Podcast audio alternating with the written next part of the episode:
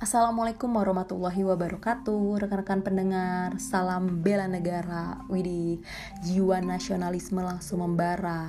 Yap bener banget. Karena hari ini kami baru saja membahas tentang kesiapsiagaan bela negara.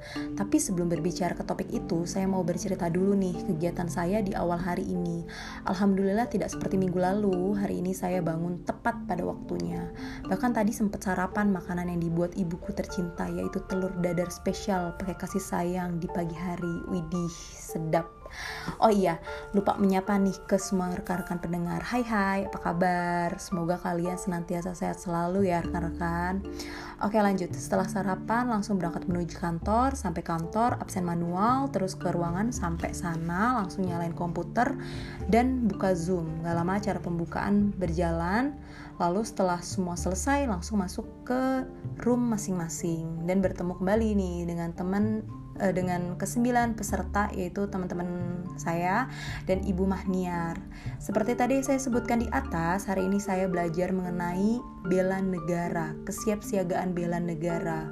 Ternyata luas banget ya berbicara uh, siap siaga itu artinya kita berbicara tentang keadaan siap siaga baik secara fisik maupun mental dilandasi dengan kebulatan sikap dan tekad Kemudian bila disandingkan e, kata siap siaga dengan e, bela negara, maka artinya keadaan siap siaga kita secara fisik dan mental dengan kebulatan sikap dan tekad dilandasi kecintaan kita kepada NKRI untuk menjaga, merawat dan menjamin kelangsungan hidup berbangsa dan bernegara.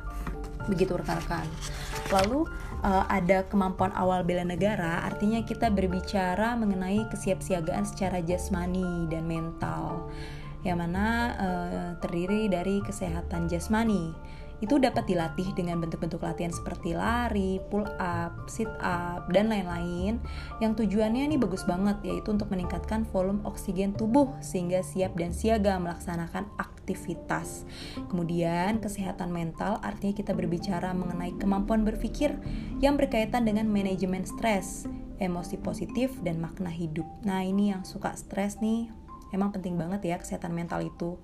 Lalu kita pun belajar mengenai kearifan lokal. Nah, ini penting oleh karena di tempat kita bekerja itu tentu kan kita bersosialisasi dan membaur dengan uh, teman-teman yang lainnya yang ber, yang berasal dari berbagai suku, ras, budaya yang mana mempengaruhi dari cara ucapan, cara uh, langkah kerja dalam menjalani hidup dan itu harus kita hormati. Lalu kita juga belajar perihal rencana aksi bela negara berdasarkan nilai-nilai bela negara yang saya sebutkan di podcast saya sebelumnya. Masih ingat gak?